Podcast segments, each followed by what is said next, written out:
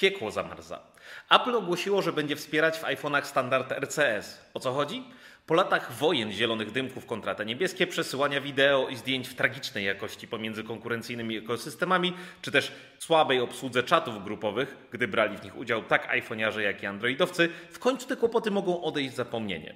W teorii każdy z każdym będzie mógł się komunikować bez przeszkód, ale to nie tylko wygoda, a również bezpieczeństwo. Dlaczego? Bo RCS wspiera szyfrowanie end-to-end, ale niestety nie w przypadku, kiedy to iPhone będzie rozmawiać z Androidem. Apple więc w swoim stylu podkreśla, że nadal to rozmowy przez iMessage są zdecydowanie bezpieczniejszym rozwiązaniem, bo są szyfrowane. Dlatego też iMessage nie odejdzie w zapomnienie. O nie, po prostu stanie się kompatybilny z konkurencją, choć ledwo. Ciekawe, co skłoniło ich do tej decyzji. Ja tam stawiam na unijne regulacje dotyczące platform internetowych wielkich, olbrzymich, zawarte w DSA.